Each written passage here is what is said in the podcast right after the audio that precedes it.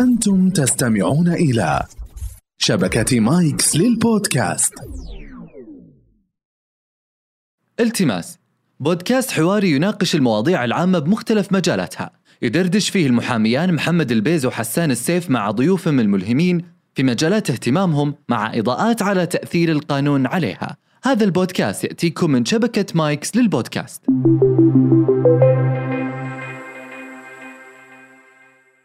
بالنسبة للشركات آه، القرار الزكوي لابد أنه يكون من واقع القوائم المالية المدققة.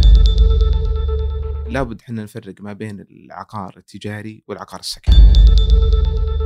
في الغالب على الشركات الخدمية والقطاعات الخدمية تكون مبسطة أكثر من القطاعات التجارية. ما في أحد يرخص له يكون كمحاسب قانوني الا يكون حاصل على الزمالة. طيب في ناس كانوا حاصلين على الترخيص قبل. حياك الله أبو سعود يا هلا يا. مرحبا، يا هلا وسهلا. يا هلا وسهلا.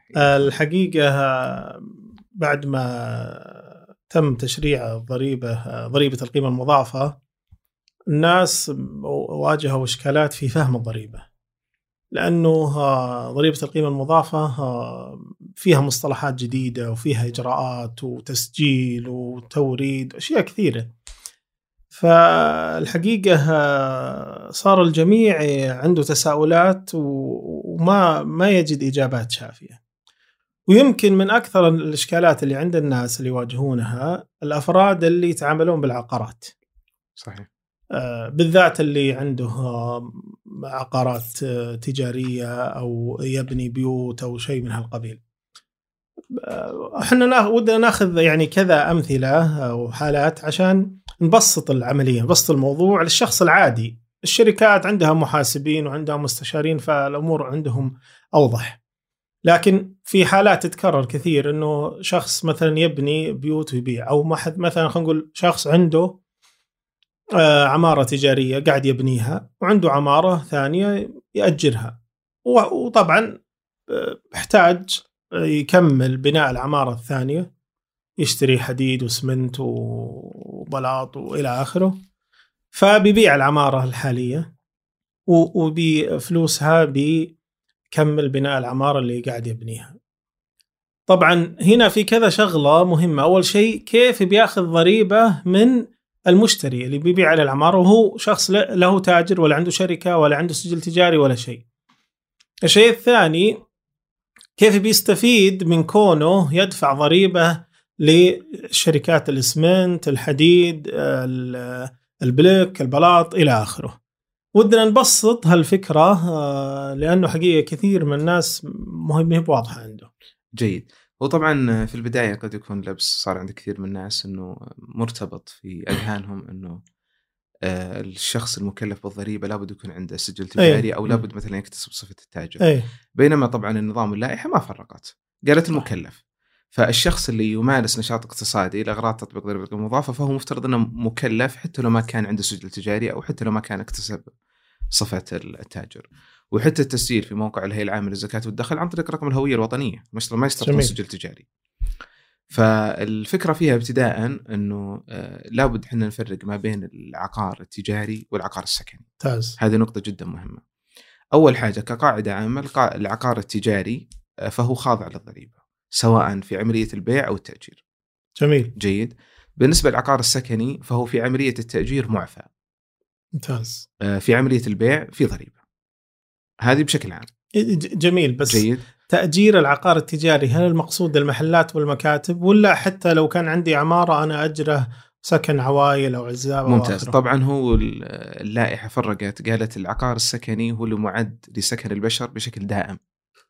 جميل جيد فالشقق السكنية اللي تؤجر بشكل سنوي مثل العوائل أو كذا هذه آه، معفى من الضريبة. لكن آه. آه. مثل الشاليهات مثل الاستراحات مثل ال- الشقق الفندقية آه. هذه لا. هذه ما تعد من ضمن العقار السكني لاغراض تطبيق ضريبه القيمه المضافه تعد خاضعه للضريبة. جميل. فإذا كان سكن دائم يعد سكني. ممتاز. جيد. غير ذلك مفترض أنه يعد آه، تجاري. ممتاز. فبالنسبه للتجاري هو خاضع للضريبة سواء في عملية البيع أو التأجير. بالنسبة للسكني خاضع للضريبة في عملية البيع فقط. مم.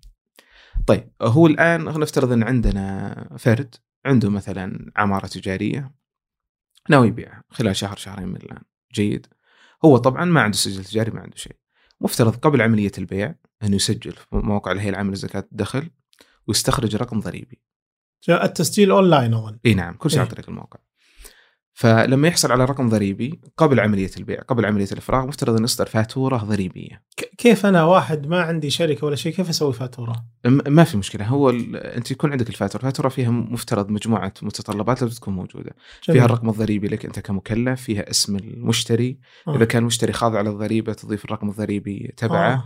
آه، تكتب قيمة ال- البيع مثلا بيع في في تجاريه في عمارة تجارية كذا مبلغ. كذا وقيمة الضريبة عليها وهذا يعني هذا وفاتورة صادرة باسمي مثلا أكتب فاتورة فوق حسان السيف يعني. اي بالضبط. بس تكرم بالرقم الضريبي يوقع عليها. وتعتمد بطريقة معينة.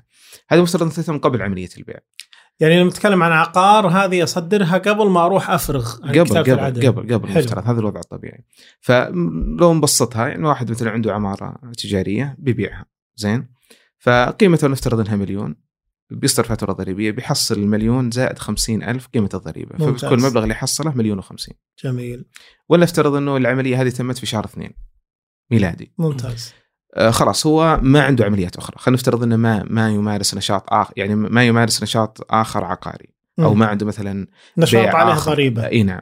فخلاص حصل القيمة في بد... بداية شهر أربعة. من 1 4 إلى 30 4 هذه مدة المده النظاميه لرفع الإقرار.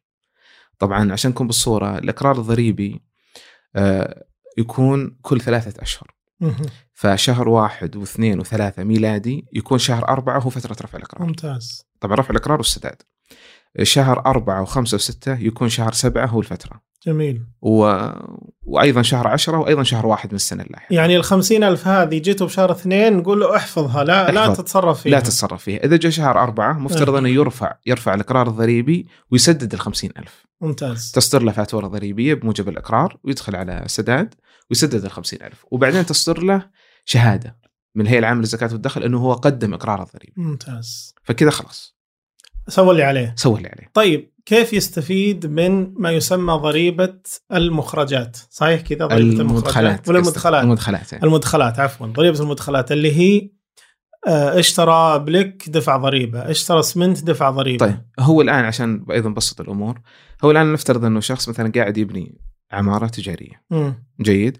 فهو في عملية البناء بيدفع والله تكاليف للمهندس الاستشاري اللي عامل التصميم بيدفع للمورد آه، مثلا الاسمنت البليك مم. غيرها كله بيدفع عليه 5% مفترض إنه يحصل على فواتير ضريبية لأي جميل. مبالغ يدفعها. جميل. الفو... طبعا الفاتوره لازم تكتمل فيها أركان الفاتوره الضريبيه فهو يجمعها. ولنفترض إنها مثلا طلعت 400 ألف. نفترض إنه مثلا آه، صرف على المبنى 800 ألف. ودفع فوق 5% ولنفترض أنها مثلا 40 ألف. 40 ألف الضريبة اللي دفعها. اي نعم 40 ألف مثلا على 800 ألف. جيد جميل. بعد نهاية ال- آه، بعد ما انتهى من البناء باع العمارة. ولا افترض أنها باعها بمليون طيب. المليون عليها ضريبة 5% اللي 50 ألف. ممتاز. فهو مفترض أنه حصل 50 ألف من المشتري. جميل. طيب. لما يجي يرفع الإقرار الهيئه العامه للزكاه والدخل ولنفترض أن العملية هذه من باب لأغراض التبسيط أنها تمت خلال ربع واحد عشان ما نعم. نعقد الأمور. صحيح. أنها تمت خلال ثلاثة أشهر. فلما يرفع الأقرار بيقول هو آه، حصل 50000 ال 50000 هذه تمثل ضريبة المخرجات بالنسبة له. بيخصمها من ال 40000 اللي دفعها اللي تمثل ضريبة المدخلات. يا سلام. يتبقى 10000 يوردها للهيئه العامه للزكاه والدخل بس يقول الهيئة ترى ضريبة 50 ألف هذه ضريبة مدخلات. بالضبط. هذه طبعا كيف؟ هذه من خلال الاقرار الضريبي أي. القرار الضريبي فيه مجموعة بيانات. أي. المبيعات وكم القيمة عليها والمبيعات الصفريه أي. والمبيعات المعفاة فيها مجموعة بيانات والتكاليف. فبموجب الإقرار اللي هو يعبيه إقرار كامل فيه المعلومات هذه بيطلع أن الضريبة اللي موجودة عليه 10000 وجزء منه في في مكان لضريبة المدخلات وضريبة إي المخرجات. كا إي نعم. وتسوي بينهم مقاصة. بالضبط. في في النهاية بروح تصدر له فاتورة ويسدد القيمة هذه وبعدين تصدر له شهادة.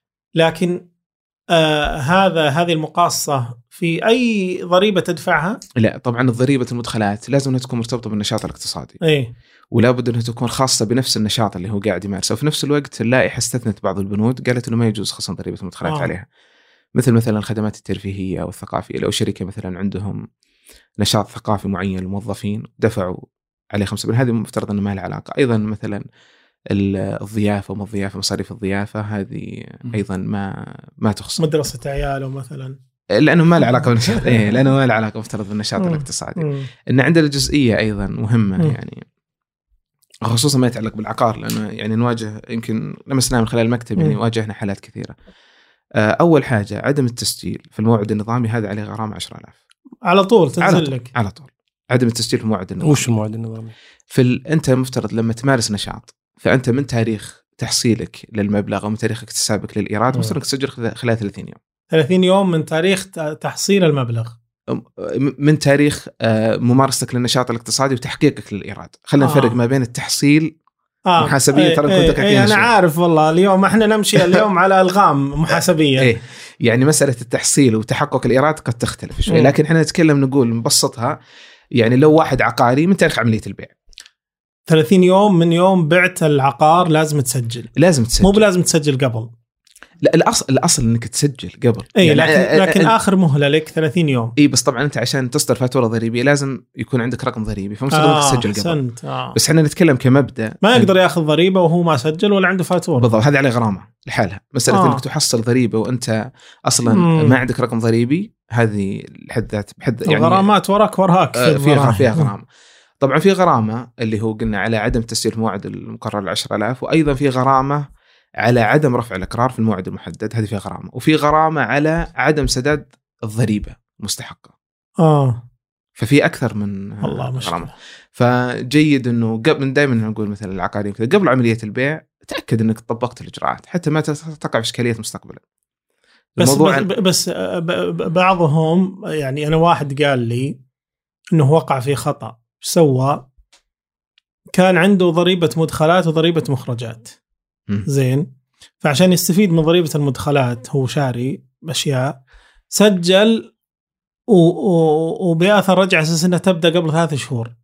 فيقول على طول نزلت لي غرامه 10000 يقول ضاق صدري وقعدت أبحث وأستفسر. لقيت إنه ضريبة المدخلات آه، ما لها علاقة بتاريخ التسجيل يعني يعني خلينا نقول المدة فيها واسعة في ضريبة التسجيل. أظنها أكثر من لك فترة طويلة. ضريبة المدخلات. أي. هو الفرق فيها الآن بالنسبة لضريبة المخرجات مفترض إنك مثلا إذا حصلت مبلغ خلاص من أول إقرار إنك تفصح عنه. امم وتخ... و... من أول إقرار. و... وتورده لكن ضريبة المدخلات يجوز لك إنك مو شرط مثلا. أنا مثلا دفعت مثلا آه، مصاريف مثلا إيجار مكتب ودفعت عليه 5% مو شرط إني أخصم بال 5% في الربع. آه. بالضبط. يجوز لي إني أنقلها. أرحلها. هذه الفكرة. لكن المخرجات لا. إيه فضريبة المخرج فيقول أنا ما كان عندي ضريبة مخرجات فيقول راسلت هيئة الزكاة قلت لهم أنا ما عندي ضريبة مخرجات خلال الفترة الماضية فشالوا عنه ال 10000 لأنه ما كان عنده ضريبة مخرجات ط- إيه طبعا الهيئة هم يعني بعض الأيام إذا كان فيها أخطاء معينة أو في شيء أو المكلف يرى أنه ال- إن الإجراء اللي اتخذ في حقه ما هو بنظام يجوز له أنه. يعني يعترض له وهذا. الاعتراضات فيه سوق لأن إحنا وياكم اي صح صحيح صحيح صحيح. وأعتقد السوق قادم أيضا الفترات القادمة بيكون فيها شغل كبير جدا. إيه الله يرزق المحامين والمحاسبين آه، سعود. الله يرزقنا جميعا. ابو سعود آه، ب- خلص العقاب بس أنا آه، يهمني شيء ثاني. إيه. بما إني محامي الضريبة على المكاتب المحاماة. طيب هو الضريبة على على في الغ- في الغالب على الشركات الخدمية والقطاعات الخدميه تكون مبسطة أكثر من القطاعات التجارية. آه. جيد. فمحامي غالبا الأمور عندهم يعني أيسر.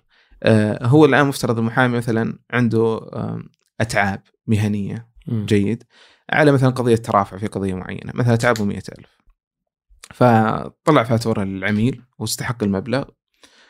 والفاتورة مثلا كانت بقيمة 100000 زين. وحصل فوقها 5% اللي هي ضريبة المخرجات. فحصل مثلا آه، 5000 م- 5000 المجموع 105 ولنفترض إنه في نفس الفترة دفع مثلا قيمة إيجار المكتب ونفترض إنه مثلا كانت 80000 مم.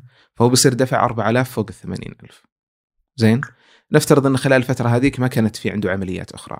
يعني مصاريف الرواتب من الرواتب أصلا ما عليها ضريبة خارج فوقت رفع الإقرار الضريبي بيقول والله أنا حصلت 100000 وفوقها ال 5% مثل ضريبة المخرجات ودفعت مصروف إيجار المكتب وفوقها مصروف. إيجار المكتب هذه ضريبة مدخلات إي نعم ال 5% اللي يدفعها فوق قيمة الإيجار 5% تمثل ضريبة مدخلات جميل يعني, يعني المحامي يقدر يستفيد أيضا في إيه نعم. في هالمصروفات اللي نعم. المص... يعني المصروف بشكل عام غالبا لما تكون المصروفات مرتبطة بالنشاط مم. م- الشرط الرئيسي لابد أنه يكون عنده فاتورة ضريبية متوفرة فيها الشروط جميل وأيضا يكون مرتبطة بالنشاط نفسه اللي قاعد يمارسه يعني مثلا لما يكون إيجار المكتب اللي هو شغال فيه. لما مثلا يشتري أجهزة ال 5% هذه يجوز له يخصمها. جميل. يعني ال- ال- المصاريف اللي مرتبطة بالنشاط يجوز له إنه يخصم جميل. ففي الغالب الموضوع آه، يعني قصدك أنت الحين هل الأشياء اللي هو دفعهن يخصمهن من المخرجات من الأتعاب اللي جته بالضبط. لأنه هو بيحصل 5% في. ضريبة. المخرجات بس في يخصم. سؤال في سؤال آه، معقد شوي. إيه. ال ألف هذه فرضا أثناء العمل صار في خلاف صار فيه كسر عقد صار فيه ايا كان صدر عليه حكم شرعي مثلا إنه يرد المبلغ وهو دافع عليه ضريبة. فالآن خلاص بيلتزم برد المبلغ لل... للعميل. الضريبة اللي هو دافعها. هو بعدين يجوز له ممكن مستقبلا إنه يرجع يطلب من الهيئة. آه. يعني أو يخصمها بعدين في ضريبة آه. المدخلات بطريقة معينة لها إجراء معين. ي- يعني بس بس آه هذا إذا صدر الحكم القضائي برد المبلغ ورد الضريبة غالبا؟ الحكم القضائي ما ما ما يتع... ما إي ما أنا أقول أنا أقول لو. شمل لكن لو كان الحكم على المبلغ فقط أنا أعتقد من ناحية قانونية يفترض إنه النزاع المتعلق بالضريبة هذا يكون ينظر من جهة مستقلة، طبعا هذا من الإشكالات القانونية اللي اللي اللي فيها إلى الحين لغط الآن مم. في المحاكم الواقع ترى كذا المحاكم في- الشرعية تنظر فقط المبلغ الأصلي أي. لكن لما نجي يجي طالب ال- ال- المستفيد آه، برد الضريبة يقول أنا مم. دافع ضريبة يقول روح للجهة المختصه في- أو, في أو الهيئة لغط تنظر هذا ترى. الهيئة يعني مم. أيضا لها اختصاص في هالجانب أنا أعتقد يعني- هذا مهم خل بس لو نوضحه للناس لأن لأنه جاء عرضا يمكن الناس مو مستوعبينه. إنه الحين خلينا نتكلم عن عقار بيع مليون وضريبته خمسين ألف. مم. ثم صار نزاع حول قيمة العقار. نعم ورد اي فصار في مثلا في فسخ للعقد. فالمليون هذه تختص بها المحكمة العامة لأنه منازعة عقارية لكن الخمسين ألف هذه الضريبة اللي دفعت هذه تختص بها اللجان الضريبية. أعتقد في هيئة الزكاة. وإن كان هذا المسألة من مسائل الاختصاص اللي محل إشكال يعني. و- و- وأيضا منها أيضا لو آه، بعت عقار على واحد ودفع لي قيمة العقار ورفض يدفع قيمة الضريبة. م. فمطالبتي له بالضريبة تكون أمام اللجان الضريبية وليست أمام المحاكم العامة. طبعا هو الآن عندنا هنا جزئية الآن في المثال الثاني اللي ذكرته هو ابتداء ابتداء مفترض أنك أنت كمكلف أو كبائع ما أتممت عملية البيع إلا بعد ما حصلت الضريبه هذا ه- ه- ه- هذه نقطة جوهرية صح الآن. صحيح. فأنت مفترض إنك يعني في جانب معين إنك أنت قصرت فيه. صح. لكن أنا اللي أعرفه يعني حسب الان الاجراء المتبع الهيئة في عندهم إدارة معنية ممكن يتقدم فيها و يعني لو مثلا عملية بيع تمت بدون ما يحصل ضريبة. طبعا الهيئة ابتداء هي تنظر للمكلف. تبغى تقولوا إيه. ادفع الضريبة ما بت- علي منك هذا تفريط منك. بالضبط. بتقول ادفع. فحسب الإجراء المتبع الآن عندهم ممكن الهيئه أيضا يصير في تواصل معين مع مم. المشتري وكذا وكذا ويطلب منه يعني. جميل. لكن لكن أعتقد أيضا من النقاط المهمة والجوهرية اللي ودنا توضحها لنا أكثر إنه أنا لو فيه عقد آه، استشارات. جيد. المفترض إنه العميل عندي آه، يدفع لي آه، م- مبلغ خلينا نقول مئة ألف حق عقد الاستشارات صدرت له فاتورة وفيها خمسة آلاف ضريبة. ف هل أنا ملزم أدفع الضريبة حتى لو العميل رفض يدفع لي المئة ألف أو طلب تأجيل أو تعثر أو صارت له أي إشكالية؟ جيد. هو الآن اللا- اللائحه والنظام كان فيها واضح. هو الأساس المتبع هو أساس الفاتورة. إذا صدرت الفاتورة بمعنى إيه بمعنى إنك أنت مفترض أنت مثلا إحنا كمحاسبين قانونيين أو كمحامين أنت وقت ما اكتسبت أو وقت ما استحقيت مم. القيمة من مفترض وجهة انك نظري من وجهة نظرك أنت أي. مفترض إنك أنت آه تصدر فاتورة مم. جيد جميل آه طبعا مسألة الاستحقاق هذه يعني في الأمور الخدمية في بعض الأحيان قد تكون واضحة بعض الأيام قد تكون محل آه، يعني آه، أخذ ورد لكن أنت إذا استحقيت المبلغ إذا بتطالب العميل لابد أنك تصدر فاتورة مم. آه، حسب النظام واللائحه مفترض إنك أنت إذا اصدرت فاتورة فمفترض إنك أنت تورد قيمتها في في- الإقرار اللاحق بغض أحسن. النظر عن عملية التحصيل آه. حصلت ما حصلت هذا موضوع ثاني وهذه مشكلة كبيرة بالذات للي عنده عملاء متعثرين كثير طبعا هو الآن في النظام في اللائحة يعني قال لك إذا كان ال- الإيرادات السنوية أقل من 5 مليون يجوز لك إنك تتقدم للهيئة وتطلب إنك تحاسب على الأساس النقدي. إيش معنى الاساس النقدي؟ معناته إنك الموضوع مرتبط بالتحصيل. آه إيه. حتى لو صدرت فاتورة ما تدفع ضريبة اي بس طبعا لين ه... أنت إيه بس. طبعا هذا الموضوع مرتبط بموافقة الهيئة. اي يعني إذا ما- إذا ما لكن وافقت الهيئة القاع... تنرجع للقاعدة العامة إنك تتبع أساس الفاتورة، فمفترض مم. إنك أنت لما تستحق ال- المبلغ إنك تصدر فاتورة وبتدفع قيمة الضريبة. طبعا أنت بعدين لو اثبت لو مستقبلا ثبت. تعثر ال- المدين وما سدد أو شيء. هذا لها إجراء أنت بيجوز لك بعدين. اي بس المشكلة لو صار المبلغ كبير. هذه أكثر شيء يعني عش- عند, عند المقاولين. يصدر ال- الفاتورة ويلزم بدفع الضريبة هو ما وهو- حصل. وهو ما بعد حصل. إيه. واحتمال كبير مو المشكلة إنه ما بعد حصل يعني إذا بحصل بعد سنة بعد مي هنا القضية. احتمال إنه يصل إلى مرحلة تظلمات واحتمال إنه يصل مثلا إلى طول. عدم استحقاق. لأسباب أخرى. هو- وهو دافع ضريبة. هو, للأمانة خصوصا في المقاولات قد يكون الأمر هذا شوي يعني صعب. آه، صعب شوي. عشان كذا دائما يعني هنا يجي دور برضو الإدارات المالية في كيف موضوع إدارة الكاش. والاداره خزينة. آه، يعني عملية إدارة ومتابعة جيدة للخزينة. مم. لكن اجمالا يعني إنه الهيئة دائما تنظر الموضوع على أساس الفاتورة. مم. فأنت مفترض إنك استحقيت الخدمة.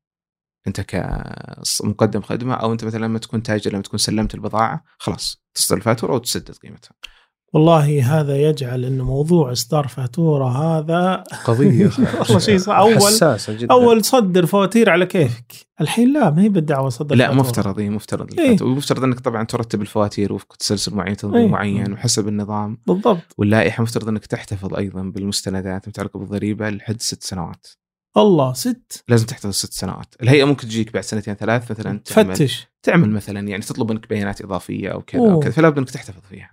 في المستندات المرتبطة بال والله ست سنوات كثير. سنوات. تسجيل. نظام الشركات بعد نص على العشر سنوات. إي لا بس بس انت أنت تتكلم عن مكاتب محاماه يعني أماكن قد تكون مثلا خل أقول لك بقالات مم. مطاعم. مم. أحيانا النشاط نفسه لا والفواتير يعني. أصلا عددها كبير يعني. هو هو أي. هو للأمانة إحنا لو أخذنا الموضوع من يعني زاوية مهمة جدا لو كان في ضبط قوي الموضوع الفواتير واستحقاق الفواتير وتحصيلها وكذا في نقطة مهمة جدا حتى قانونية موضوع التستر التجاري موضوع إيه. كذا بينكشف بصورة جدا جداً. جدا, جدا قوي فمسألة الآن ال- ضريبة القيمة المضافة قد تكون واحدة من أهم المزايا صراحة فيها أنه ال- الدورة الاقتصادية قدامك تكون واضحة امم صح هي هي إيه. ميزة الشفافية مع إنه أنا أشوف الحين بعض المحلات بالذات اللي فيها تستر آه يقول لك إذا دفعت لي كاش أخصم لك اي لأنها يعني يقدر. ما ما ما. ما يورد الضريبة فيها. إيه. ياخذ الكاش بجيبه صراحة. أي. إيه، إشكالية. ولا يصدر له ضريبة فاتورة ولا شيء. أي. إيه، إشكالية هذه. مع أنه الآن في توجه يعني قوي جدا لإلزام أصلا منافذ البيع باستخدام الشبكة. كلها. الشبكه أي الشبكة هذه حقيقة بتحد كثير. اي. بتحل. مع إنه والله الحين يعني الحمد لله صار كثير من الأماكن بس والله ولو لا زلت آه، يعني بعض الأشياء تحتاج تحتاج فيها كاش يعني. بعض المحلات الصغيرة صحيح, صحيح. أكثر شيء يزعجك الحين بالكاش مصروف ال- ال- الأطفال الله يصلحهم لل لو في الفسحة بعد إيه. بال- بالبطاقه والله أنا أنا صراحة إيه. ودي ودي إنه يحل هذا مع إنه هو زين صراحة الأطفال إنك تعطيهم فلوس يخلهم يتعلمون يروح يشتري ويعرف كم صحيح. يشتري وكم يبدأ. صحيح. عاد أتوقع أنتم المحاسبين ما شاء الله يقولون آه، ابن الوز عوام يعني. أنتم يتربونهم على بس بعض في مثال آخر يقول باب النجار مخلوع فأنا على فكرة يعني أنا الزملاء مثلا كثير المحاسبين القانونيين اللي أعرفهم يعني. للأمانة قليل منهم اللي يضبط حسابات. عجيب. حسابات مك... المكاتب زي إحنا المحامين عقودنا فيها. مضروبه اي والله تعال. مخلوع يعني دايم والله مهم يعني الثقافة المالية الحين للأطفال مهمة صراحة صح. مع التعقيدات اللي قاعدة تصير يعني عنده ضريبة عنده أشياء يعني يواجهها حتى أحيانا حتى لو هو ما مارس التجارة صحيح بي- بيواجهها فهي يعني يعني تحتاج الحقيقة برامج توعوية صح. نتمنى صراحة أنه المحاسبين وهيئة المحاسبين عندهم برامج بسيطة للصغار بالذات ابتدائي متوسط ثانوي على مستواهم يعني كتوعية كتوعية مالية صحيح، حقيقه صحيح. مهمة جدا يفهم بعض صح. الأمور وجانب أيضا تحمل المسؤوليه حتى ولو إيه. كان بشكل صح. تدريجي تعلم كيف إيه، يتعامل بشكل مع بشكل المال تدريجي يعني واحد من الأقارب رجل أعمال يعني دردشنا وياه قبل فترة أعطانا تجربة لا صراحة جدا ممتازة في الإجازة السنوية لهم يقول أنا أول سنتين أو ثلاث تعبت صراحة بس الفترات الأخيرة ارتحت مم. يقول عندي أبنائي وبناتي مقسمين برنامج الرحلة كل واحد مسؤول عن شيء معين واحد جميل. مثلا مسؤول عن الفنادق واحد مثلا مسؤول عن التذاكر واحد عن طيران. كذا واحد عن كذا وعن ضبط الميزانية وعن متابعتهم كل واحد له مصروف. محدد يقول في البداية تعبت معهم لكن صراحة ارتحت ما شاء خلاص الله يعني حتى مسألة تحمل المسؤولية بشكل صح، تدريجي صح، صح. والله مهم. لا يعني أصلا مهم- مهم حتى إذا. كانت سفرة عائلية لما يكون خلاص كل شيء مناط بالأب وهو بس المسؤول واستانسوا وهو- واطلبوا لكن لما صح. تدري إن الميزانية. مكشوفة وكل واحد في يده مهمة معينة يشعر بالمسؤولية يبدأ يلاحظ ويراقب الصراحة عشان كذا. عشان كذا بعض الأيام يعني ما تتفاجأ إنك مثلا واحد يبي يتخذ قرار مثلا مرتبط بوظيفة أو بعض الأحيان بشراء مسكن أو بأمور مهمة جدا تلقاه ما عنده الأبجديات في اتخاذ القرار مم. لأنه جزء من مهم الموضوع إنه ما كان متحمل المسؤولية من أول تلقاه فجأة يعني أحد كان شايل عن المسؤولية فعلا فعلا في وقت معين مفترض إنه يتخذ قرارات مهمة وجوهرية وتأثر على حياته ما عنده الأدوات اللي بإمكانه يتخذ قرار من خلالها مع إني أعتقد الحين التدريب أسهل مع التجارة الإلكترونية صحيح. والمتاجر جداً جداً. والتطبيقات تقدر صح. تعلم ساعدت بسهولة كثير كثير ساعدت أي. صحيح أبو سعود وش الحين نسمع ضريبة آه، أنواع ضرائب. أكثر شيء ضريبة قيمة مضافه لكن في أنواع ضرائب ثانية نسمعها ما لها علاقة بضريبة قيمة مضافه صحيح في ضريبة الدخل وهذه مم. تفرض على الشركات ال- الأجنبية. آه. تمام. وفي ضريبة الاستقطاع. اللي هي؟ وضريبة ال- الاستقطاع الاستقطاع وش المقصود فكرتها؟ فيها. الاستقطاع مفترض إنها يعني أكثر أو أوضح مثال على تطبيقها لما تكون شركات أجنبية مثلا خارجية آه. تقدم خدمات لجهات محليه جميل. فهذه عليها ضريبه استقطاع مفترض الجهات ال- المحلية اللي هي تعاملت معه اللي هي آه، استفادت من الخدمة إنها تخصم ضريبة. اسمها ضريبة الاستقطاع وتوردها الهيئة العامه للزكاه والدخل آه اللي هنا يعني اللي أنا هنا. لما أست... لما أستورد من شركة خلينا نقول آه، استوردت أنا من سامسونج مثلا. يعني أنت أنت آه، المثال الواضح لها لما تكون مستو... يعني لما تكون مستورد خدمات. حلو. ولا افترض انك مثلا شركة هنا آه، تعاملت مع جهة خارجية تقدم لك مثلا خدمات استشارية مثلا مرتبطة مثلا بتطوير برنامج عندك. جميل. فأنت أنت كمك... أنت مكلف هنا الوضع مختلف. أنت مكلف كمستفيد من الخدمة مم. كشركة محلية. إن مثلا لو كان مستحقاته مثلا مبلغ مئة ألف إنك تخصم آه. ضريبة الاستقطاع في الغالب 5% وتوردها للهيئه العامه لزكاة الدخل. آه. أنا المسؤول التاجر المسؤول. لا. الأجنبي ما له علاقة لا لا انت بالموضوع انت المسؤول مفترض أي. ك- كمستفيد من الخدمة وفي عندنا ضريبة السلع الانتقائية أيوه هذه يعني محددة على أصناف معينة من ضمنها مثلا المشروبات المحل... الغازية المشروبات و- المحلاة أي. والغازية أحسنت. وكذا وكذا جميل يعني آه، عندنا القيمة المضافه والانتقائية والدخل والاستقطاع هذا إي نعم الدخل أظن أقدم واحدة ولا إي نعم الدخل هي ال- اللي هي. مرتبطة بالجنسية ما لها علاقة ب... ب... يعني اي أي شخص غير سعودي يستثمر في السعودية غير إيه؟ المستثمر الأجنبي المستثمر الأجنبي مستثمر المستثمر الأجنبي. الأجنبي مفترض إنه عليها ضريبة دخل إي نعم إي طبعا ضريبة الدخل هذه تحتسب من صافي صافي الربح. صافي صافي صافي الربح من. صافي الربح السنوي إي نعم آه فهو مثلا لو صار صافي الربح عنده. مثلا مئة ألف يعني على حسب طبعا ال- كم لو كانت مثلا 20% 20% في الغالب 20% وهي تعتمد على حسب النشاط مم. إيه يعني فيها لها مم. فيها لها آه تفاصيل أخرى بس مثلا لو كانت 20% فتحتسب هي من صافي الربح السنوي بس أعتقد كحجم أكبر شيء الحين القيمة المضافة ما تقارن بالضرائب الثانية أعتقد كحجم إيه. نعم أعتقد إيه. كحجم يعني. مرتبط كضريبة قيمه مضافه طبعا إذا استثنيت آه، فكرة ضريبة الدخل. واللي إنه مفروضه على الغاز طبيعي وإنه أه. ارامكو قد تكون يعني إذا آه، استثنيت اذا إيه. خرجنا من القاعدة آه، هذه. إيه، آه، إيه. اي عشان نكون دقيق الحين يعني لو خرجت من أبو القاعدة سعود. هذه أبو سعود هذا اللي يدفع مثلا ال- الانتقائية عليه أيضا قيمة مضافة ما يقول عليه- إيه. عليه- عليه- يعني عليه. مثلا مثلا لو قلنا مثلا علبه ال- المشروب الغازي الحين. عليها انتقائية وعليها مي- وعليها قيمة مضافة. قيمة مضافة عليه عليه عليه إيه. عليها قيمة يعني مضافة. مو بس لا، واحدة. اي لا القيمة المضافة ما ما تتعارض مع مم. مم. مع ونفس الشيء الدخل يعني مع أنواع الضرائب الأخرى ما يقدر يجينا مثلا اللي عليها الأجنبي اللي عليه ضريبة دخل يقول في المدخلات والمخرجات أنا دفعت ضريبة دخل اخصموا لي مثلا القيمة المضافة لا لا ما لها علاقة غير مرتبط لا ما لها علاقة يعني. غير مرتبط أصلا مم. لأنه أساس الاحتساب مختلف أصلا آه فموضوعها يعني ما أنا أشوف في طريقه برا إذا رحنا دول مثل بريطانيا وغيرها إذا يقول لك فيه استرداد للضريبة للسواح في المطار إي. نعم اي. هذه ليش موجودة عندنا؟ وش هذه طبعا في؟ القيمة المضافة مفترض طيب اي المفروض المفترض تكون عندنا صح؟ والله المفترض أنا في صراحة في, ما- دو في دول. ترى ما فيها أمريكا ما فيها آه أمريكا ما أمريكا فيها. ما فيها. آه يعني هي أجل على حسب التنظيم إيه في- فأنا في- إذا في- رحت لندن في أروح هو أسترد. أو أنا- اوروبا عموما أسترد. أذكر لكن في أمريكا اوروبا عموما احسنت إيه. إيه. اي بسبب إنك لكن في تحتفظ أمريكا ما إيه في. بسبب إنك تحتفظ بال إيه، تحتفظ اي مو بال- بالقضية إنك. تحتفظ. أنا أكيد إنك لازم تحتفظ. لكن أنا أنا أنا شفتها في أوروبا في لندن وفي في الاتحاد الأوروبي عموما. صح. لكن في في أمريكا ما في ترى. فعلا.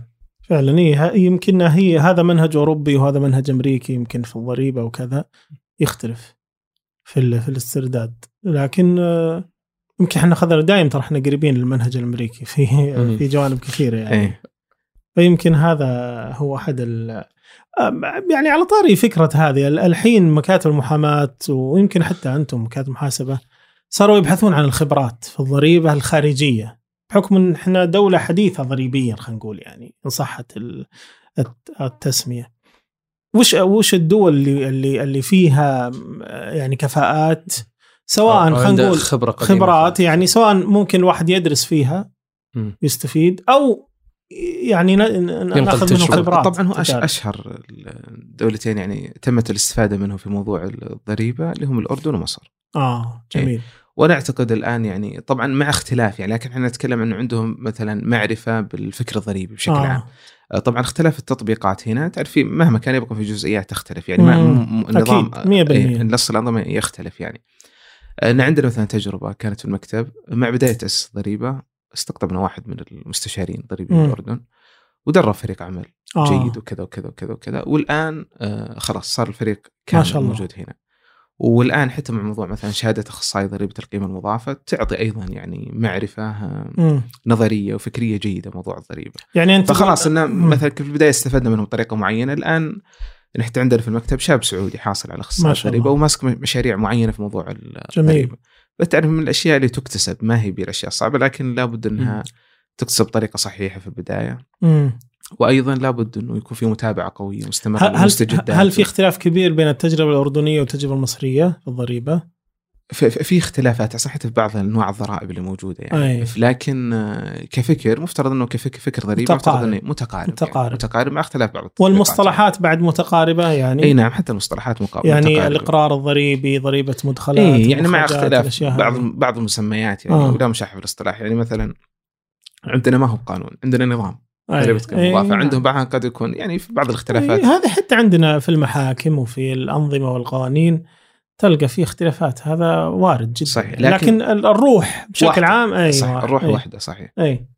الحقيقة يعني الحديث عن الضريبة ما يمكن يكون بمعزل عن الحديث عن الزكاة. لكن بلا شك أنه في فروقات. آه، والتداخل بين الضريبة والزكاة يعني ظاهر حتى عندنا. الهيئة آه، الزكاة هي اللي أيضا مسؤولة عن الضريبة ومتابعتها؟ صحيح. إحنا ودنا لو ندرج شوي حول الفروق بين الضريبة والزكاة نبسطها شوي. آه و آه، يعني مثلا على سبيل المثال إحنا نعرف إنه الضريبة المكلفين آه بالضريبة أيضا هم شريحة تختلف عن المكلفين بالزكاة ولا؟ صحيح. وش وش الفروق يعني؟ من هم اللي يدفعون ضريبة من هم يدفعون زكاة. طيب عشان نحاول نبسطها أيضا. الزكاة هي مفترض انها للشركاء للشركات المقيمة الداخلية هنا. المملوكه للسعوديين جميل. والمؤسسات الفردية والمؤسسات. أي. نعم والمؤسسات الفردية. يعني يعني يعني قيد لازم يخرج به الأجنبي. نعم الأجنبي الأجنبي مفترض إنه ما يخضع للزكاة هنا. آه جميل. يعني اذا الشركات الأجنبية تخضع لضريبة الدخل ما إيه. تخضع للزكاة. اذا اذا معيار الجنسية مهم. مهم في إنه اللي غير سعودي ما يدفع زكاة يدفع ضريبة دخل. الأجنبي يدفع ضريبة دخل مفترض. جميل. اذا كان الشركة أو المؤسسة المملوكه الأجنبي فهو مم. يخضع لضريبة الدخل وإذا كانت شركاء فيها سعوديين وأجانب؟ آه يطلق عليها مختلطه اي فتحتسب وعاء زكوي يدفعه السعودي الشريك السعودي ويحتسب وعاء ضريبي يدفعه. رأس آه، كل مساهمة كل واحد في أي. له وعاء. تسميه مم. إحنا شركة مختلطة. أي. تحتسب وفق وعاء معين فيكون لها وعاءين. وعاء زكوي مختص في الشريك مم. السعودي وعاء ضريبي مفترض إنه يكون مم. على نصيب. الشريك الأجنبي. إن عندنا نقطة هنا جدا مهمة وجوهرية، طبعا الزكاة مختلفة تماما عن ضريبة القيمه. المضافه. تماما. يعني أيضا الزكاة مفترض إنها آه، بشكل سنوي، مم. ضريبة القيمة المضافة على أساس ربعي. جميل أو في هذا من الشركة الفروق إي المهمه نعم إيه أو بالنسبة للشركات اللي إيراداتها تزيد عن 40 مليون في ضريبة القيمة المضافة إقرارها شهري. آه آه اي اللي تزيد عن 40 مليون إقرارها شهري. مم. اللي تقل عن 40 مليون إقرارها ربعي. احسن كل ربع سنة الزكاة لا مرت... مر... سنوية هي عندنا في موضوع الزكاة نقطة مهمة وجوهرية فرق ما بين المؤسسات والشركات مم.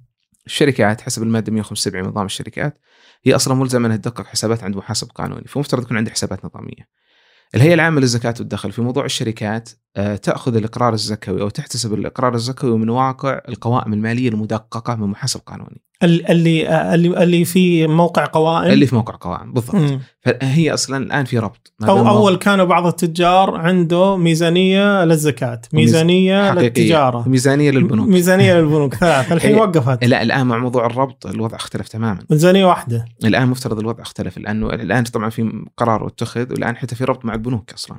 مم. اي اي نعم. القرار هذا اتخذ فمفترض إنه في الآن جاري العمل على ربط قوائم أيضا مع البنوك. فبالنسبة للشركات آه، القرار الزكوي لابد أنه يكون من واقع القوائم المالية المدققة. جميل. ولابد لابد تكون موجودة في موقع قوائم. جميل. مدقق محاسب قانوني. المؤسسات الفردية هي نظاما غير مجبرة بتدقيق حسابات عند محاسب قانوني. آه. نظاما. فهي عندها خيارين يا أنها تدقق حسابات عند محاسب قانوني وبعض المؤسسات تلجأ للشيء هذا أصلا لأن قد يكون عندها متطلبات من جهات أخرى. أي. يعني مثلا شركة مقاولات عندها تصنيف. مؤسسة مقاولات. مؤسسة مقاولات عفوا. عندها تصنيف. أو مثلا مثلا جهة مؤسسة معينة عندها ترخيص من جهة معينة مم. فتطلبون قوائم مالية. أحسنت لكن نظام الابتدائي غير ملزمة تستطيع أنها آه، تستخدم حاجة اسمها التقدير الجزافي مم. طيب بس مم. قبل ما ندخل بالتقدير الجزافي بنتكلم عنه الله بالتفصيل بس ودنا نكمل بالفروق بين الزكاة والضريبة أعتقد الزكاة ما تكون إلا على سجل تجاري إذا ما عندك سجل تجاري ما عليك زكاة أو مو ما نقول ما عليك زكاة شرعا إيه. يعني إيه. إحنا نتكلم إنه ال- اختصاص الهيئة أي، اختصاص أحسنت. الهيئة على السجلات التجارية أي. بالضبط على المؤسسات هيئة الفردية. الزكاة ما تطالب شخص بالزكاة إلا إذا كان عنده سجل تجاري وحتى نكون أدق آه، مو شرط إنه يكون سجل تجاري يعني آه. إحنا كمحاسبين قانونيين. أو أنتم كمحامين قد يكون عندكم ترخيص ما يكون سجل تجاري آه، فأنت أيضا أحسنت. أي فأنت أيضا لازم. عندك ترخيص لممارسة نشاط بالضبط فلما لكن يكون أحسنت لما يكون عندك ترخيص مزاولة نشاط وكان عندك سجل تجاري فأنت ملزم إنك تتعامل فيما يتعلق بالزكاة مع الهيئة. مم. هذا ابتداء. يعني خ... خ- نضرب مثال مثلا اللي قاعد يبيع ويشتري بالعقار زين هذه عروض تجارة شرعا عليه زكاة. يعني بس بس إذا ما عنده سجل تجاري ولا شيء فبالتالي هو يجب عليه شرعا يدفع الزكاة بس هيئة الزكاة ما تطالبه. هيئة الزكاة طالبة بالضريبة. فقط. اي اي فقط. أحسن. لكن الزكاة لا. وهذا من الفروق بين الضريبه والزكاة إن الضريبة إي نعم. آه أي شخص يمارس نشاط اقتصادي عندك سجل ما عندك سجل عندك ترخيص ما بالضبط. عندك ترخيص بالضبط. ضريبه القيمة المضافة دافعها دافعها. بالضبط. اي من الفروق المهمة إنه في عملية القيمة المضافة إنه أنت تحصل 5% على مبيعاتك مم. أو على الخدمات اللي أنت تقدمها. مم. لما تكون مثلا جهة خدمية مم. فانت تحصل 5% بموضوع الزكاة لا الموضوع شوي مختلف طريقة مم. الاحتساب مم. أحسنت طريقة الاحتساب مختلفة يعني آه معقدة أكثر يعني فيها شوية تعقيد مم. هو يعني باختصار شديد أنه نأخذ إحنا صافي الربح اللي موجود اي من خلال قائمة الدخل الدخل الشامل ونعمل عليه تعديلات تعديلات هذه كيف؟ نضيف لبعض العناصر الموجبة ونخصم منه بعض العناصر السالبة. ويطلع لي الوعاء الزكوي. مم. الوعاء الزكوي هذا هو اللي على اساسه يتم احتساب اللي هو 2.5% إي نعم 2.5% من قيمة الوعاء الزكوي مم. هذا على اساسه يتم احتساب ال- الزكاة وهذا من الفروق الضريبة 5% قيمة المضاعفة الضريبة قيمة مضافه 5% 5% من قيمه وهذا إي يعني مثلا موضوع رأس المال في موضوع ضريبه القيمة المضافة ما له ارتباط ما له علاقة مم. هو مم. آه، ال- القيمة المضافة هي مرتبطة بإيراداتك بمبيعاتك مم. فقط الزكاة لا إيراداتك ومبيعاتك هذا عنصر مهم لكن أيضا في عناصر أخرى تأخذ بعين الاعتبار مم. مثل مثل رأس المال يضاف مثل مثلا إذا كان عندك أصول ثابتة تخصم مم. عندك مشاريع تحت التنفيذ تخصم من الوعاء ففيها اختلافات وأنا أعتقد إنه فيها مهارة من المحاسب ممكن من خلالها يرفع الزكاة ويقللها. طبعا هو الآن يعني أنت في مفترض في عندك معايير معينة تستخدمها وفي عندك أنظمة وتعليمات يعني اجمالا. فمفترض موضوع يعني التلاعب فيما يتعلق بالزكاة وكذا لا مفترض إنه مضبوط بطريقة معينة. هو- الهيئه هو- العامة هو للزكاة. مضبوط. أنا ترى استخدمت المهارة ما قلت تلاعب. صحيح. بس صحيح بس أنا صحيح. أقول أنا أقول المهارة في فهم الوعاء الزكوي. يعني شيء اللي يكون عليه زكاة اللي ممكن ممكن محاسب ما ينتبه لعناصر سالبه ويصير ترتفع الزكاة. ومحاسب العكس. صح هو قد تكون نفس مبدأ فكرة. وفي محاسبين بهيئة الزكاة يمارسون مهارة مضادة لكم صحيح. يعني. هو هو قد تكون نفس فكرة ال- التهرب الضريبي والتجنب الضريبي. في شيء بنص التجنب إيه، نعم جميل. في أشياء التجنب الزكوي نقدر نقوله. هو في أشياء يعني ابتداء مثلا هي معروفة إنها ترفع الوعي الزكوي مثل مثل رأس المال النقدي لما شركة يكون رأس مالها أحسنت. كبير فبالتالي هذا خلاص سنويا هذا يكون من ترى في مقولة لعمر بن الخطاب رضي الله إيه. عنه يقول اتجروا بأموال ال- اليتامى لا تأكلها الزكاة. مم. فهذا هذا أعتقد يعني أحد الأفكار إنك أنت إذا عندك فلوس ناقد تأكلها الزكاة. صحيح. أما لو لو وضعتها في أصول هنا ما تدخل بالوعاء صح. الزكوي وهذا أصلا في حث أصلا على تحريك المال وعلى الاستثمار إيه. فيه وعلى كذا. وه- أحسنت ولذلك يعني جزاك الله خير. يعني هذه نقطة مهمة انه إنه جزء من فرض الزكاة على الناقد فكرته إنه يا ناس لا آه، يعني كي لا يكون دولة بين الأغنياء منكم. ما مو واحد ماسك فلوس. زي, زي فكرة رسوم الأراضي البيضاء. عندك عقار وماسكه لا أنت بلي مستثمر ولا أنت ب- مطور ولا أنت بس حاطه عندك ما تبي الناس. ياخذونه. اي بالضبط. يعني الآن مثلا رأس المال مثلا على سبيل المثال في موضوع الشركات مثلا. لو شركة مثلا آه، رأس مالها مثلا نفترض إنه مليون ريال. المليون ريال هذه مثلا راحت اشترت مثلا ب 800 ألف مثلا معدات للإنتاج. هذه تصنف عند المحاسبين كأصول ثابتة. جميل. هذه الأصول الثابتة تخصم من قيمة الوعاء. فأنا ممتاز. بضيف يعني المليون. في 800 مي موجود. إيه بضيف المليون وبخصم 800 منها مم. يبقى 200 بيبقى 200 يعني الزكاة على 200 بس. إيه، هو هو طبعا الزكاة مي على 200 فقط بس هذه واحد من المثال على البنود الموجبه واحد آه. مثال على البنود بس السالبه انه طلعت ال 800 أهم شيء. إيه يعني بحيث إنه هم بحكم الشركة وجهوها في عملية. إنتاج وكذا كذا. فشوف كيف تخل تغير ال- طيب دامنا تكلمنا عن الزكاة ودخلنا في الزكاة الآن صدرت أعتقد فيه لائحة متعلقة بالتقديري أو اللي يسمونه الجزافي. آه، هو الآن اللي صدر جديد اللي هو ما يتعلق بلائحة الزكاة المعدلة.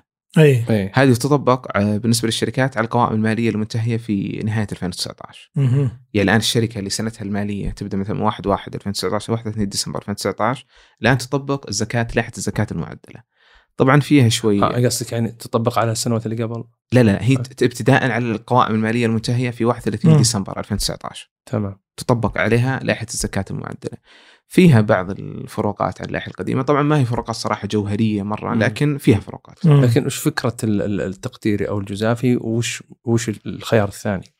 طيب هو إن عندنا الآن الجهات اللي تتعامل مع هيئة الزكاة آه، لها مسارين.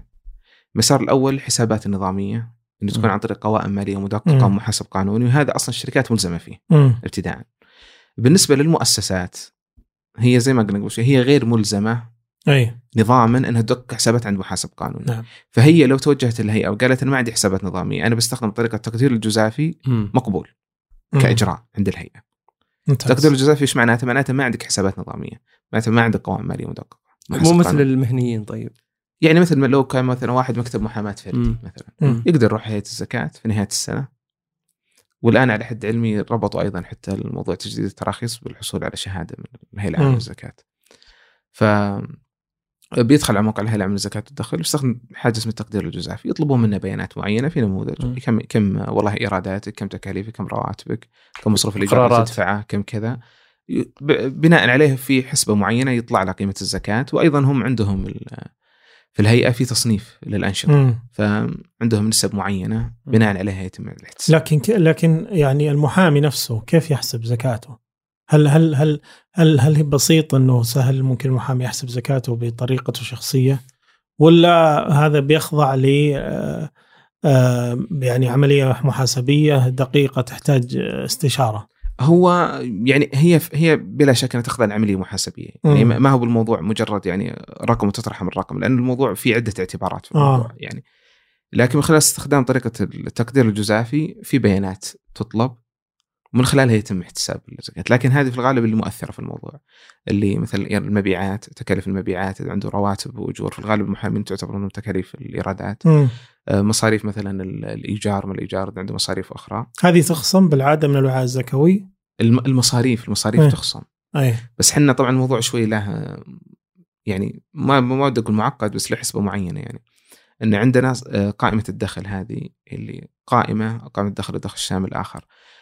قائمه الهدف منها تظهر نتيجة أعمال منشأة خلال فترة زمنية معينة مم. فالهدف منها في النهاية أنا بعرف كم ربحت وكم خسرت مم.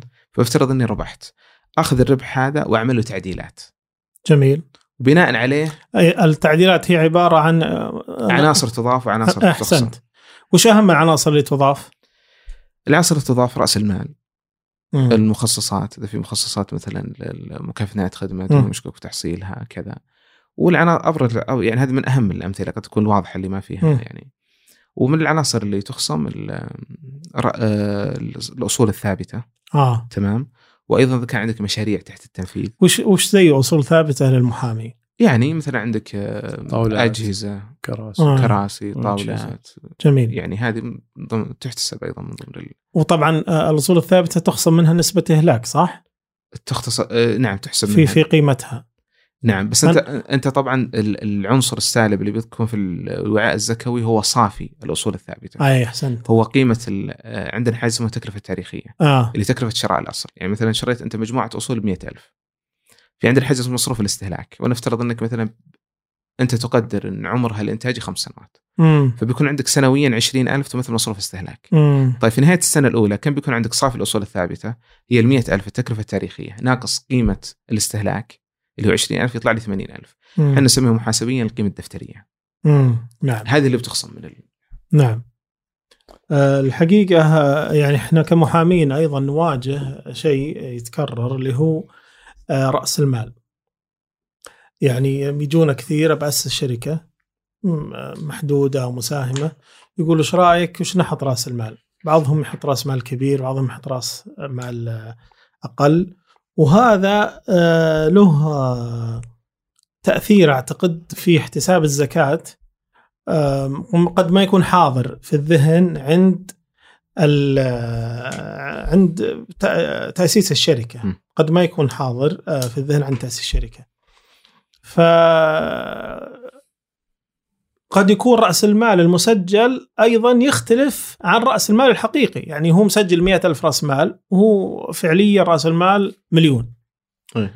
فهذا حقيقة ودي أنه نسلط الضوء عليه أنه أنا إذا جيت أسس شركة هل رأس المال المسجل آه، إذا كان مختلف عن رأس المال الفعلي له أثر في الزكاة ولا ما له أثر؟ طبعا هو يعني المواضيع المهمة اللي تطرح دائما نقول موضوع تحديد رأس المال هو يخضع لمجموعة من. المعايير. من ضمنها أيضا قد تكون الشركة مثلا تستهدف مثلا عمل معين أو نشاط معين يكون له متطلب مثلا موضوع. رأس المال. لكن اجمالا لأغراض الزكاة رأس المال طبعا آه، الأصل رأس موجود بال- بال- آه، بعقد تأسيس الشركة إذا كان نقدي وافترض أنه هو يضاف. مم. إلى الوعاء الزكوي آه. فلا بد إنه من البداية يعني يكون ال- ال- المفهوم هذا واضح. إذا كان رأس المال هذا بيوجه مثلا لشراء أصول ثابتة بيوجه لكذا فهو بيخصم آه. بطريقة معينة فهو بيضاف كراس مال نق- نقدي لكن بيخصم على انه من ال- الأصول الثابتة. وموضوع تحديد رأس المال المفترض إنه ما يتم بطريقة آه، يعني اجتهادية. أحسن مفترض إنه لابد ياخذ فيه عدة معايير. يعني طبيعة أصلا الصناعة وطبيعة النشاط اللي بيشتغل فيه، بعض بعض النشاطات ما تطلب رأس مال عالي. مم. وتلقاه يدخل في إشكالية وبعدين يرجع يخفض رأس المال وبعدين كذا. طيب كيف يحدد؟ يعني هذا السؤال اللي يجينا كثير. كيف أحدد رأس مال الشركة؟ الاستثمار اللي أنا قاعد أشتغل فيه. هل هو اللي يحدده المحاسب ولا مستشار مالي ولا من؟ والله هو الأصل يتحدد بناء على دراسة الجدوى. يعني مستشار مالي؟ مست... إي نعم هذا أي. من ضمنها المستشار المالي والمستشار الاقتصاديين.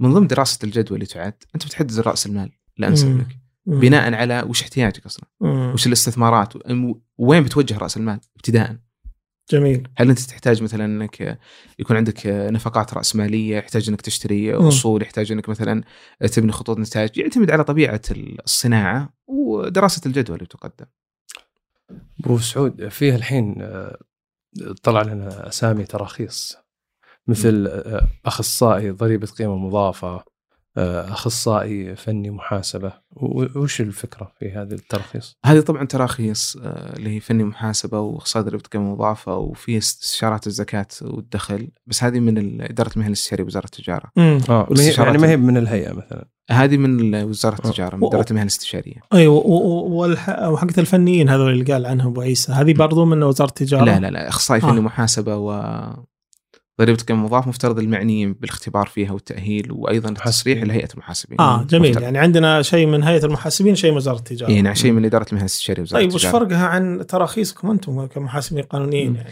آه هم أنا أعتقد العمل هذا أنتم تمارسونه نعم فعليا نعم, نعم العمل هذا إحنا نمارسه لكنهم هم أخذوا آه بعض اختصاصات المحاسبين القانونيين ووضعوا لها تصاريح آه تراخيص مستقلة. آه إيه. يعني يعني على مثلاً- قولتهم بعضهم يقولون صبوا وأحقنوا يعني. هي في النهاية يعني ما عاد أنا م- يعني ما أدري والله كيف بتقيم التجربه بكرة يجينا ترخيص أخصائي فني قضايا جنائية. إي والله. بتب- بتبدعون فيها. أخصائي إيه. تحكيم. أخصائي أحوال قضايا زوجية. مصالحة. زي محامي خلع.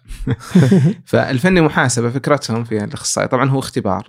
هيئه محاسبين آه. وفي متطلبات معينة بعد يحصل على الترخيص إنه يقدم خدمات تسجيل الحسابات. أعداد القوائم المالية مم. الشركات هذا نطاق الترخيص تبعه اجمالا يعني. آه. فهو ما يستطيع أن يعمل يعمل لك محاسبين قانوني يراجع حسابات لا. ولا يعتمدها. لا لا ما يعتمد. أي. الاعتماد عند المحاسبين القانونيين ضريبه القيمه المضافة هو يقدم استشارات ويقدم ما- فيما يرتبط بضريبة القيمة المضافة فقط. آه. بس المشكلة إنه كثير من التراخيص ترخيص لشيء يعني عندنا إحنا كمحامين تراخيص تحصيل الديون مكتب محاماة آه، بس إنه يعني مستتر تحت مسمى تحصيل ديون. فما تخشى إنه هذا تصير نفس الشيء يعني عندكم؟ والله أنا أعتقد الفكرة فيها كانت المبدأ إنه نتيح الفرصة ل يعني آه إنه مثلا مجموعة من الشباب والفتيات اللي يبغون يمارسون آه النشاط أو يمارسون مهنة من خلالها. بس هذه شروطها أقل أكيد. لا لا أقل أقل إيه. بكثير أقل بكثير. فهي هي هي قد تتيح فرصة يعني خصوصا الشركات المتوسطة. الصغيره إنه يحصلون على خدمات بمقابل أقل. آه. يعني بحيث إن التكاليف عندهم ما راح تكون مرتفعة. ليش يعني ممكن مثلا مجموعة شباب إيه. مثلا يسر لهم مثلا آه، شركة مثلا أو منشأة معينة وتقدم مثلا خدمة فني محاسب وتسجل حسابات الشركات وكذا بتكون تجربة جيدة. إذا آه، إنها متوجهة منشآت متوسطة وصغيرة الحجم بحيث إنها تقلل التكاليف. يجيك والله مؤسسة فردية يقول لك اعين محاسب خليني أتعاقد. آه. بجودة يعني معقولة وفي نفس الوقت قد تكون تكاليف أقل. ليش ما تكون هذه مرحلة انتقالية للمحاسبين الخريجين حديثا لين يصلون إلى مرحلة خلينا نقول الزمالة. الزمالة أو طبعا هو الآن أنت كمحاسب قانوني أنت مصرح لك إنك تقدم طبعا. كل الخدمات هذه مفترض انك يعني من ضمن تصريحك أو ترخيصك كمحاسب قانوني تقدمها. الحين ترخيص المحاسب هو نفسه ترى هو الزمالة ولا يختلف؟ لا، في فرق يعني. الآن آه، الزمالة هي شرط. رئيسي للحصول على ترخيص المحاسب القانوني آه جميل لكن لا يعني إنه كل شخص حاصل على الزمالة إنه هو محاسب قانوني آه. قد يحصل على الزمالة ولا ياخذ ترخيص إي نعم قد يحصل على الزمالة وكثير مدراء ماليين في قطاعات ومسؤولين. وكذا. حاصل على الزمالة لكنهم ما, ما اتجهوا للمهنة ما آه. حصلوا على ترخيص. يمارس ال... يعني مثل اللي معه مثلا شريعة ولا أخذ رخصة محاماة. بالضبط يعني لا بس هم عندهم بكالوريوس محاسبة ثم زمالة ثم ترخيص محاسب. إيه طبعا هو الآن أنت كمحاسب قانوني عندك مجموعة من المتطلبات منها الزماله من ضمنها الزماله هذا شرط- جديد ولا لا لا. قديم. قديم، مرة آه. قديم قديم. يعني ما تأخذ رخصة مهنة إن- المحاسبة إلا معك زمالة. كل المحا... كل, لازم الم... ما تأخذ ترخيص محاسب قانوني يكون معك الزماله كل المحاسبين المرخصين معهم زمالة. كل المحاسبين المرخصين بعد تاريخ معين أعتقد مم. إنه كان 1411 أو آه. 12 اللي إحنا تاريخ إحنا نفس اللي هو الوضع تاريخ الحين. إنشاء نفس. المحامي المحامين نفس الوضع تعدلت لائحة آه، نظام المحاماة قبل. سنتين إيه. في عام 39 شهر أربعة إيه. أول كان اللي ما معه بكالوريوس شريعه وقانون بس. أخذ مثلا ماجستير يحصل إيه هو الان الآن لا هو لازم الآن بكالوريوس شريعه وقانون إيه هو الآن وش الفكرة؟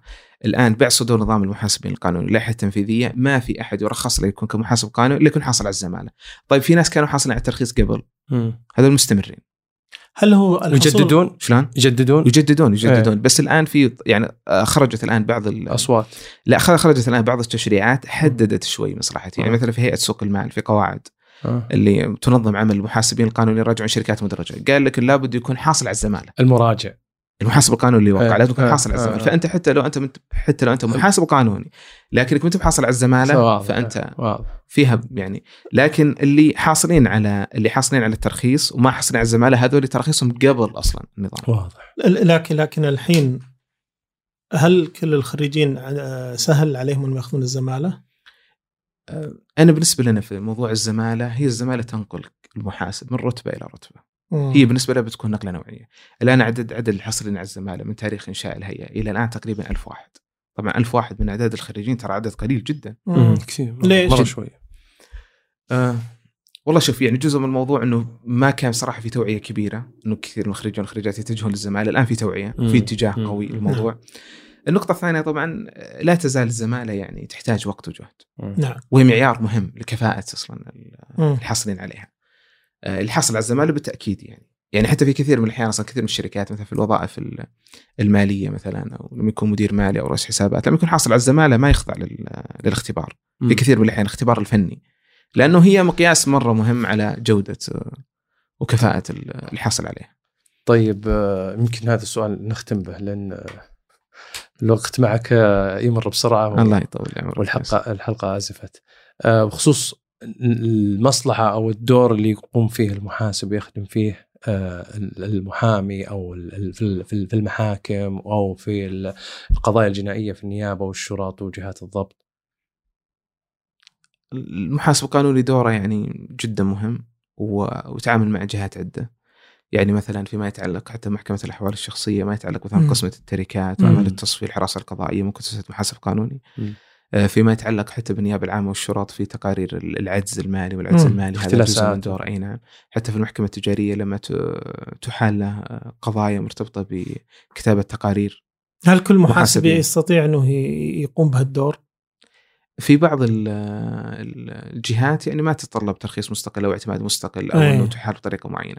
في بعض الجهات لا يعني يعني المحاسب القانوني إنه يخاطب الجهة ويطلب إنها تضيفه مثلا آه. من ضمن قائمه المكاتب اللي يحال لها عمل. مم. لكن مثلا الشرط النيابة العامة أنا أذكر بعض المحاسبين طلبنا منهم تقارير قالوا إحنا ما ما يعني ما قالوا ما إحنا مختصين بس قالوا إحنا ما ما ما نقدم هالخدمة.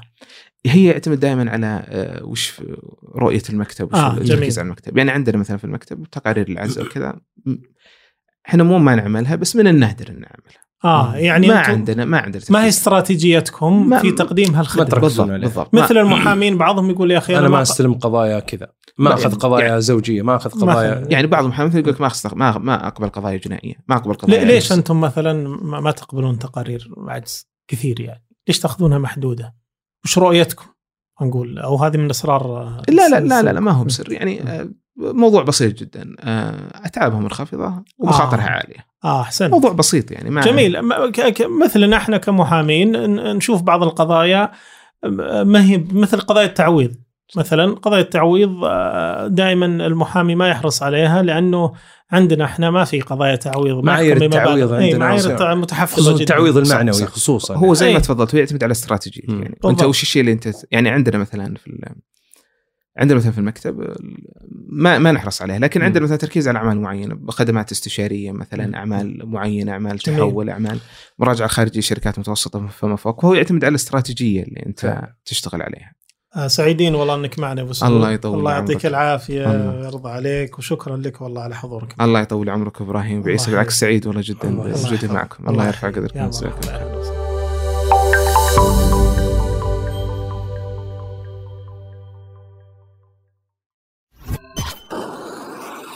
مايكس صديقك المفضل الجديد